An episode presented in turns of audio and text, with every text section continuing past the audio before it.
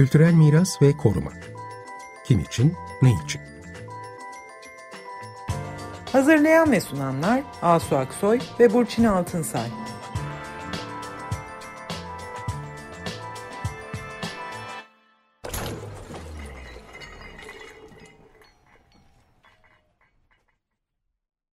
Merhaba ben Asu Aksoy. Merhaba ben Burçin Altınsay. Ee, bugün e, kültürel mirasın taşıyıcısı olarak yemek ve sofra konuşacağız. Konuğumuz Aylin Öney Tan. Aylin esasen bir koruma mimarı. Bizim programımızla da çok ilişkili. Meslek hayatının uzun bir bölümünü e, mimari koruma ve restorasyon e, işleri yaparak geçirdi. Çok da önemli projelerde imzası vardır. İyi bir koruma mimarıydı. Fakat sonra e, aslında ömür boyu yanında taşıdığı bir hobi olan yemek, pişirme, gastronomi konularına geçti e, mimarlıktan. E, bir yemek ve yiyecek yazarı Aylin. E, araştırmacısı demek daha doğru aslında çünkü bu eski mesleğinden, asıl mesleğinden gelen, korumacılıktan gelen tarihe, geçmişe bakma disiplinini bu alana da taşıdı. Yemek tarihini hep araştırarak yazıyor, tarihsel ilişkileri kurarak anlatıyor. Ee, hoş geldin Aylin. Hoş bulduk. Evet, şeyde yazıyorsun değil mi? Sen düzenli olarak e, Hürriyet Daily News'de yazıyorsun galiba. Evet, İngilizce olarak orada yazıyorum. Milliyetin Pazar Eki'nde yazıyorum.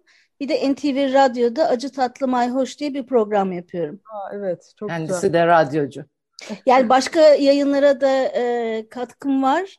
E, Metro'nun Gastro dergisi gibi düzenli yazdığım başka yayınlar da var. Onlar daha ziyade 3 e, aylık. Yurt dışında bazı yayınlara da katkıda bulunuyorum. Bir de sempozyumlara katılıyorum yurt dışında daha çok. Yani yemek reçetesi vermek değil aslında senin yaptığın şey. Daha ziyade yemek kültürü üzerine konuşmak. Burçin'in de söylediği gibi tarihçesi, işte mekanıydı, işte miras değerleriydi. Bütün boyutlarıyla bu yediğimiz yemekleri açmak aslında değil mi? Evet aslında şöyle bir şey oldu. Ee, ya Burçin benim e, restorasyon geçmişime, e, geçmişime atıf yaptı şöyle bir yatay geçiş oldu ama birdenbire bir mesleği bıraktım bir mesleğe başladım gibi olmadı aslında. Özellikle Dünya Bankası'nın Türkiye Kültürel Miras Projesi vardı ve biz kentsel alanlarda da çalışıyorduk ve orada aslında önemli olan yaşamı korumak, kentsel mekanı korumak. Ee, mesela Mardin'de çalışmıştık. Dolayısıyla sadece fiziksel çevreyi korumak değil, orayı bütün boyutlarıyla korumak gündeme geldi. Nitekim seninle daha sonra birlikte çalıştığımız GAP Turizm Tanıtım ve markalaşma evet. projesinde ben gastronomi sorumlusuydum. Yani arkeolojiden orada özellikle GAP bölgesinde ilk başlarda Zeugma vardı, şimdi Göbekli Tepe var. Pek çok referans aslında yemek tarihine referans verilerek oluyor. Dolayısıyla ta eski çağlardan beri, antik dönemden beri tarımın başladığı ilk dönemlerden bugüne e, uzanan bir yelpazede aslında yemek ve fiziksel çevre ve tarım pratikleri hep koşut birbirine. Dolayısıyla tarihi çevre koruma deyince aslında elbette ki yemekten de bahsediyoruz. Yani yemek de bir kültürel miras. Ayrılmaz bir parçası. Senin e, Midas'ın ziyafet sofrasını yeniden e, canlandırdığınız bir projeniz de vardı. E, oradaki kalıntı e, yemek kalıntılarından yola çıkarak. Evet ve bunlar şimdi mesela gastronomi turizmi falan çok gündemde. Bu tür hikayeler oluşturmaya çok yarıyor böyle şeyler. Onu işte bu Dünya Bankası projesinde çalışırken tesadüfen aslında o gruba katılmıştım. Ee, Ankara'da bakanlıktan geçerken tesadüf etmiştik e, televizyon ekibiyle. Ve orada da Channel 4 için İngiltere'de yayınlanacak bir saatlik uzun bir belgesel ve orada çanaklarda kalan yemeklerin tekrar analizler sonucu canlandırmasını yapmıştık. Bu tür tabii şeyler şimdi çok referans oluyor. Çünkü giderek bu hikaye anlatma sanatı diyeceğim turizm içinde. Bunlar için çok referans olmaya başladı. Bir de yani bugünün şeflerinde de bakarsak hep böyle köklerini keşfetme, özüne dönme, işte e, ritüelleri keşfetme falan gibi e, hep böyle kendini bir şeye dayandırma, bir zemine oturtma çabası var. Dolayısıyla bunlar için de tarih giderek e, yani yemek tarihi giderek ilgi duyulan bir alan oldu. Eskiden minör bir tarih çalışması olarak kabul ediliyordu. Şimdi neredeyse bayağı ana akım tarih araştırmalarından biri haline geldi. Somut kalıntılardan bu somut olmayan mirasın e, izlerini yakalamak da aslında işte tam da bu koruma işinin, e, kültürel miras işinin yapmaya çalıştığı şey.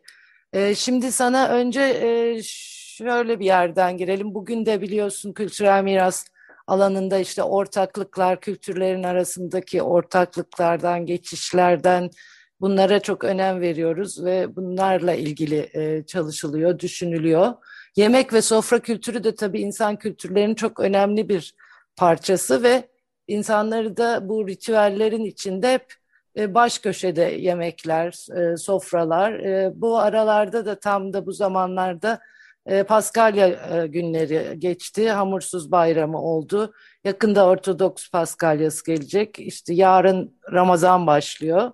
Bayram gelecek. Bütün bu ritüeller, inanışlar farklı da olsa yemek üzerinden birleşebiliyor farklı e, kültürler. Kolaylıkla e, geçiş, e, geçişler oluyor bunların arasında. Bunlardan biraz söz eder misin? Onlarla başlayalım. Aslında ben bunları e, e, işte bu yemek yazılarına başladığımda ilk yazdığım konular hep bunlar olmuştu. E, tıpkı bu yıl olduğu gibi ben Cumhuriyet'te ilk yazı yazmaya başladığım zaman gene Paskalya Hamursuz Bayramı üst üste gelmişti. bütün bunlar üzerine yazmaya başlamıştım. İşte Nevruz'dan başladım.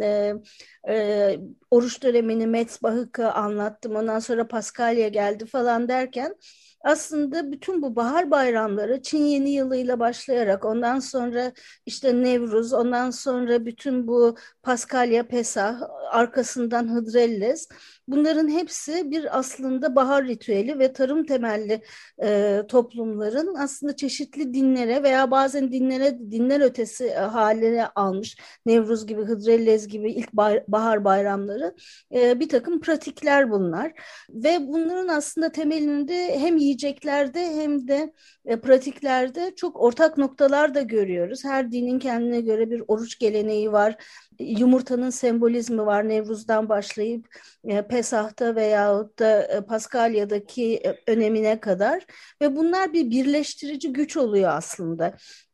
Yani pek çok konu ayrıştırıcı olabilirken yemekte bir birleştiricilik bir, e, her zaman var. E, işte herkes birbirine e, e, kendi e, kutlamasının e, özel yemeklerini gönderiyor falan hep bunlar anlatılır. E, ve bu kültürler arası geçişte aslında bazı mekanlarda da gözlüyoruz. E, ne bileyim ben e, mesela e, ortak kültür artık o cemaat orada kalmasa bile sürebiliyor. Somut olmayan kültürel miras e, listelerine de baktığımızda e, Nevruz, Hıdrellez gibi pek çok gelenek e, oralarda da kayıtlı ve bunların çoğu ortak başka e, farklı ülkelerin ortak mirası olarak da giriyor listelere. Bu e, ortak mirasta tabii bu somut olmayan miras dediğimiz zaman bu e, yemeklerin kendileri kadar bunların üretim biçimleri, e, yapılış şekilleri, işte nasıl ürünlerle yapıldığı bunlar hep e, kültürlere e, bağlı olduğu kadar tabii coğrafyayla da ilişkili. E, şimdi bugünlerde yine iklim krizi konusu da çok acil bir şekilde kapımızda. Buradan çıkış yolları ararken de aslında bu bugün içinde olduğumuz bu tüketim ağırlıklı yaşantıyı değiştirmemiz gerektiğini de görüyoruz ve bu noktada da tekrar daha geleneksel üretim biçimlerine ekme biçme bir, biçimlerinde bu ürünlerden azami fayda sağlama alışkanlıklarına ve ziyan etmeme alışkanlıklarına dönmemiz gerektiğini de görüyoruz biraz. Yani bu evet. soyut ya da somut olmayan miras dediğimizde bu alışkanlıklar bunlar tabii kent yaşantısını da etkiliyor. On, onlardan da söz edebilir misin? E, şimdi aslında burada çok e, önemli bir noktaya değinmiş oldun. Çünkü e, yemekten öğreneceğimiz yani eski e, yemek pratiklerinden öğreneceğimiz de çok şey var. E, yani sadece bir lezzeti ay ne kadar güzel lezzetti ne de lezzetli günlerimiz de onlar gibi korumak anlamında değil. E, zaten aslında eski yemek pratikleri daha sürdürülebilir bir e, hayat biçimini anlatıyor. Mesela e, önceki yıllarda bir e, Copenhagen Food Summit olmuştu Kopenhag'da bir yemek e, yiyecek zirvesi ve bunu e, orada Çevre Bakanlığı düzenlemişti.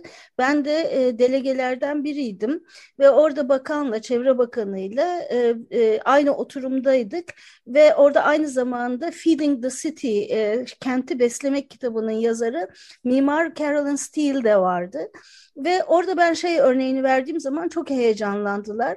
Mesela bütün bizim e, şehir eski kentlerde özellikle de Güneydoğu'da ortak fırın geleneği vardır. Urfa'da hala hatta Antep'te de hala fırına yemek gönderilir. Aslında bu ne kadar sürdürülebilir bir sistem. E, çünkü bir orada ateş yanıyor ve sen evinde tekrar enerji harcamaktansa oraya yemeğini gönderiyorsun. O pişiriliyor ve geriliyor. Bu hem bir mahalle bilincini ve mahalleliliği e, vurgulayan bir şey, bir ortak yaşam biçimi. Hem de aynı zamanda aslında enerji açısından son derece sürdürülebilir bir yöntem. Ben bunu anlattığımda orada or, onlarda öyle bir pratik olmadığı için son derece heyecanlandılar. Nitekim aslında şimdi bütün dünyada kent bahçelerinden bahsediliyor. Ama İstanbul gibi kentler e, bostanlarıyla ünlüydü. İşte her e, semtte yetişen bir de yiyecek vardı. Çengelköy hıyarı, Arnavutköy çileği falan, Yedikule marulu derken aslında kentin özellikle uzun mesafeden gelemeyecek, çabuk e, bozulan yiyeceklerini kendi bünyesinden temin etmesi vardı.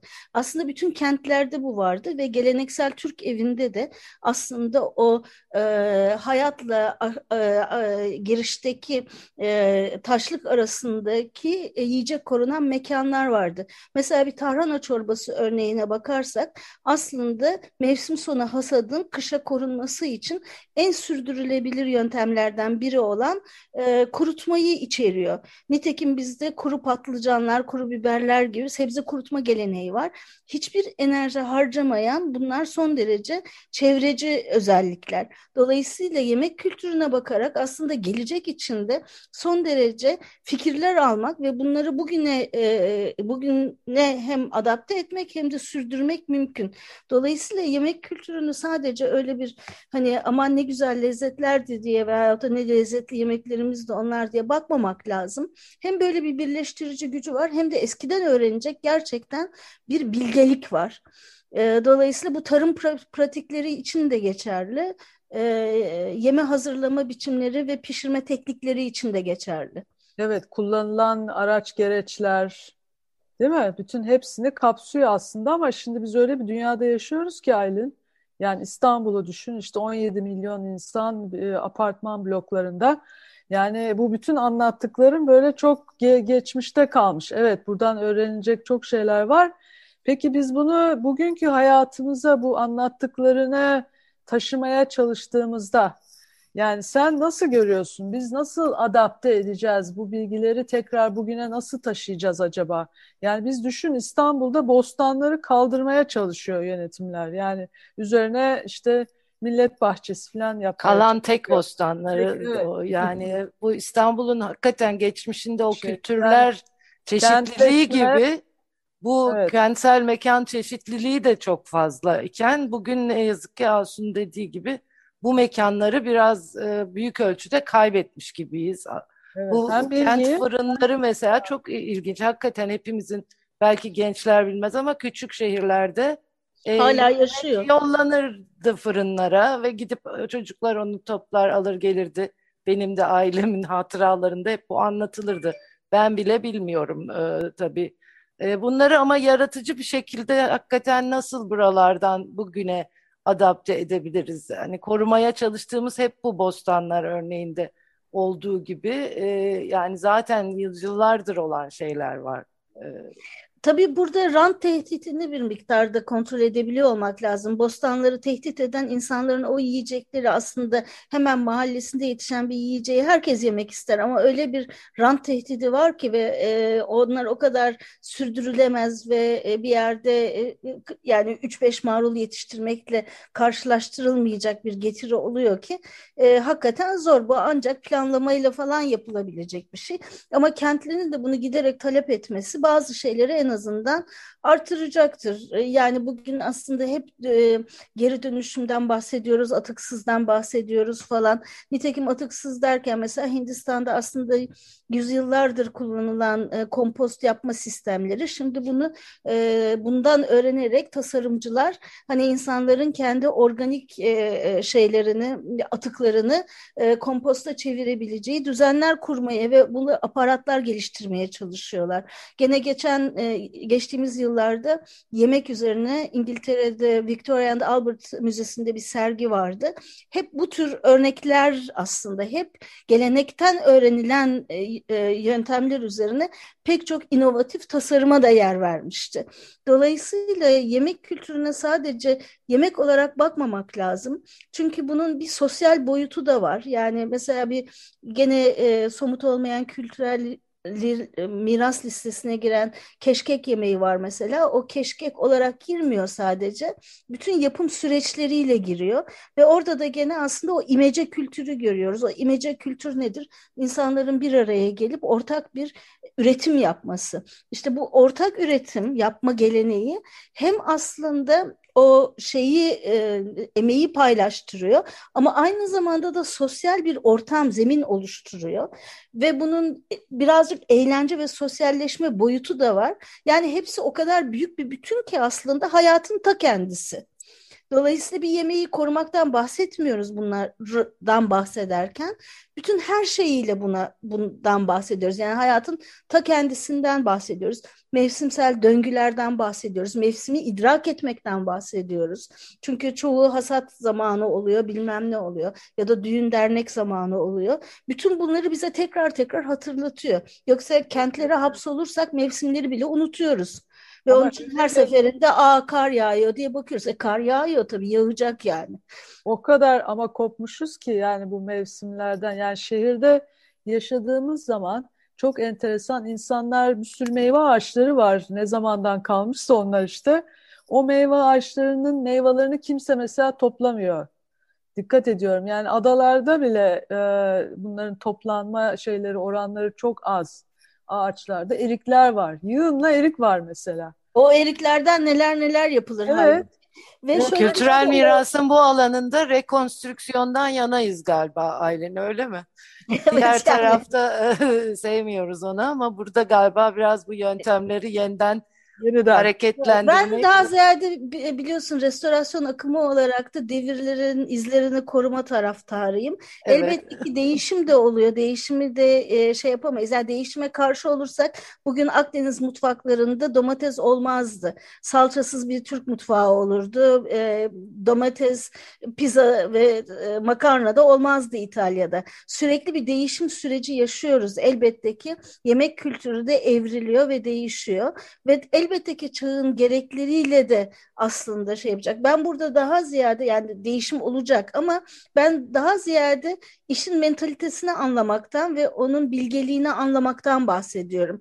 Elbette ki yani İstanbul gibi kenti şehri e, bir kenti sadece oradaki bahçeleriyle beslemek mümkün olmaz veya sadece oradaki meyve ağaçlarından işte toplama yapmakla mümkün olmaz. Hani bunun e, e, naif olmayalım elbette ki böyle bir gerçek var. Ama her zaman o öğreti ve o e, bir kültür, o bilgi birikimi e, bir şekilde e, öğretilecek e, yani yeni e, ta, tasarımları ve yeni yaklaşımlara, yeni pratiklere yol açabilecek bir ışık kaynağı olabilir. Salgın dönemi de bize biraz aslında bunları çok keskin bir şekilde e, gösterdi. Belki biraz daha uyandık e, hemen yakınımızdakilerle ilişki kurabildiğimizi, çok uzaklara gidemediğimizi görünce mecbur kalarak da biraz bunların kıymetini anlamış olduk aslında daha geniş ben COVID anlamda. Evet, ben Covid-19'un bu anlamda bir ayar çektiğini düşünüyorum. Evet, kesinlikle. Yani Peki bu... şey yani bu şimdi bu bütün anlattığın yani tekrar mesela bahar ritüellerine dönecek olursak hani öyle başlamıştık. İşte e, Paskalya, hamursuz, e, işte Ramazan geliyor falan.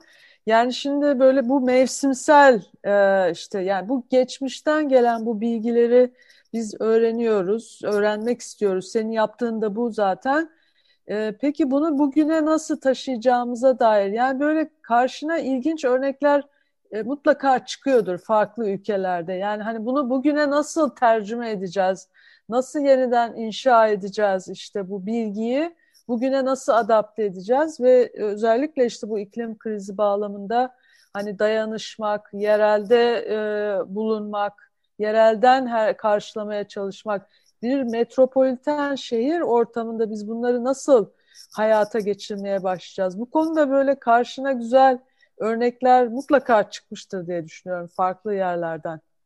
Ya evet ama birazcık da bu hüzün ve e, e, nasıl diyeyim hasreti de içeriyor. Çünkü mekanlarımızı çok hızlı kaybediyoruz.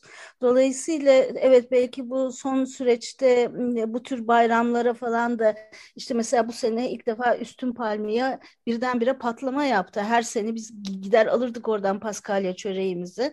O, orayı kuran bir e, Rum, e, sürdüren onun e, eski Türk ortağı. E, o gelenek yaşıyor ama bunlar giderek sanki böyle solan renkler gibiydi kent hayatında. Kent hayatında maalesef aslında bu yurt dışında da var e, pek çok yerde. E, sadece fiziksel çevreyi korumak değil aslında bu mekanları korumak, onları yapan insanları korumak ve o e, geleneklerin devam etmesini sağlamak çok önemli. Nitekim Barcelona bu konuda çok büyük adım atmış şehirlerden biri. Orada eski bir eczaneyi veya eski bir kafeyi pat diye değiştirip bilmem ne şubesi yapamıyorsunuz. Bir banka şubesine çeviremiyorsunuz mesela. Bunların hepsi son derece önemli.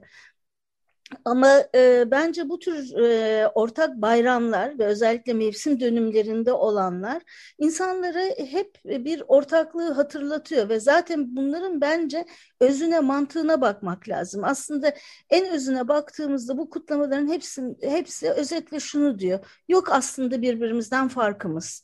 Yani bu noktayı ne kadar vurgularsak ve bunu ne kadar öz olarak anlamaya çalışırsak aslında korumak ve ondan öğrenmek de o kadar mümkün olabilecek. Tabii kentte yani İstanbul gibi çok hızlı değişen bir kentte aslında özellikle bu korona sürecinde de oldu. Pek çok mekan kayboluyor ve e, gerçekten gelmeyecek şekilde kayboluyor. E, bu tabii ekonomik bir şey ama e, tabii hep de tarih böyle olmuş aslında. Hani bir takım yenilenmeler de olmuş. Keşke o yenilenmelerde aslında bu hani kayıpları da hatırlayarak ve onlara sahip çıkarak olsun. Mesela şimdi meyhanelere bayağı bir sahip çıkma çabası var ama pek çoğu da kapandı. Ama meyhane İstanbul'un bir geleneğidir e, ve yaşıyor, yaşıyordu da yani. Evriliyordu. Yeni nesil meyhaneler çıkmıştı. Biraz eller havaya olmuştu. Mezeler çok standartlaşmıştı ama mesela şimdi müthiş bir özlem var bunlara. Çünkü o aslında bir araya gelinen ve bir arada var olunan mekanlardı. Bütün bunların e, ayırdığında olarak aslında ben hep yemek şeyine bakıyorum. E, işin yemek tarafını bu açıdan bakıyorum daha doğrusu. Ve hep kafamda da mimari mekanla birleştiriyorum elbette. Fiziksel mekanı korurken de e, dönüştürüp yani yaratıcı bir şekilde yeni tasarımla birleştirerek düşünmek lazım zaten. E, onun için bu aynı şekilde bu e, yemekle ilgili mekanlar, üretimle ilgili mekanlar için de geçerli. Yani mümkünse olanları koruyup olmayanları da e, yaratıcı bir şekilde yeniden canlandırmak, Bazen biz kendimiz gerekiyor. Ben bazen biz kendimiz de bazı sevdiğimiz mekanlara gitmeye gitmeye onları evet. ihmal ede ede ölmesine sebep oluyoruz. Yani bakkalına sahip çıkacaksın. Ondan evet. sonra köşedeki esnafına sahip çıkacaksın. Yok efendim marketten almayacaksın da o senin bakkaldan alacaksın illaki onu. O evet. iyi peyniri getiriyorsa onu hakikaten talep edeceksin. Onun yok olmasına müsaade etmeyeceksin. Yani evet. Türkiye'de mahallelilik kültürüyse eğer mahallelik kültürü ancak böyle korunur. Bu Barcelona için söylediğin şeyi Gelibolu e, Sardalya e, Alaaddin Sardalyaları için de biz uğraşıp korunma altına alınmasını sağlamıştık. Fakat ne yazık ki işte bizde bazen koruma altına almak da yetmiyor. E, şimdi o böyle kapatılmış şekilde bekliyor o dükkan. Evet, yani koruma altına alınırken sürdürme kısmı anlamında önemli. değil. Evet. Yani sürdürülebil sürdür ay bu kelime de bütün projelerde Zor söyleyin. kelimedir zaten. Sürdürülebilirlik e, e, nasıl olabilir ona bakmak lazım. Sürdürülebilirlik sadece e, istemediğimizi reddetmek ve istediğimizi talep etmekle olur. Bu kadar basit. Bizim talebimizle olacak. Evet, e, Aylin çok e, güzel anlatıyorsun. E, çok teşekkürler bunları bize anlattın bu ama ancak... ne yiyeceksin? Efendim? ne yiyeceksin bu akşam diyor Asım. Çalışmalar arasında ne mümkünse. Pekala. Yarın oruç başlayacak. Artık onlar ne yiyecek? Önemli olan o galiba. Fakat ee, ben en son bir iki yerde hurma mı zeytin mi iftara açmak için diye e, bir yazı yazdım. E, hurma değil yerli ve milli olan zeytin yani. Çünkü yerel üretim. Tabii. Peki çok teşekkürler Aylin. Ee, evet. Tekrar keşke gelsen ve konuşsak. Hoşçakalın. İyi akşamlar. Her zaman eski mesleğe dönmüş gibi oldum. Çok sevindim. Kültürel miras ve koruma. Kim için, ne için? Hazırlayan ve sunanlar Asu Aksoy ve Burçin Altınsay.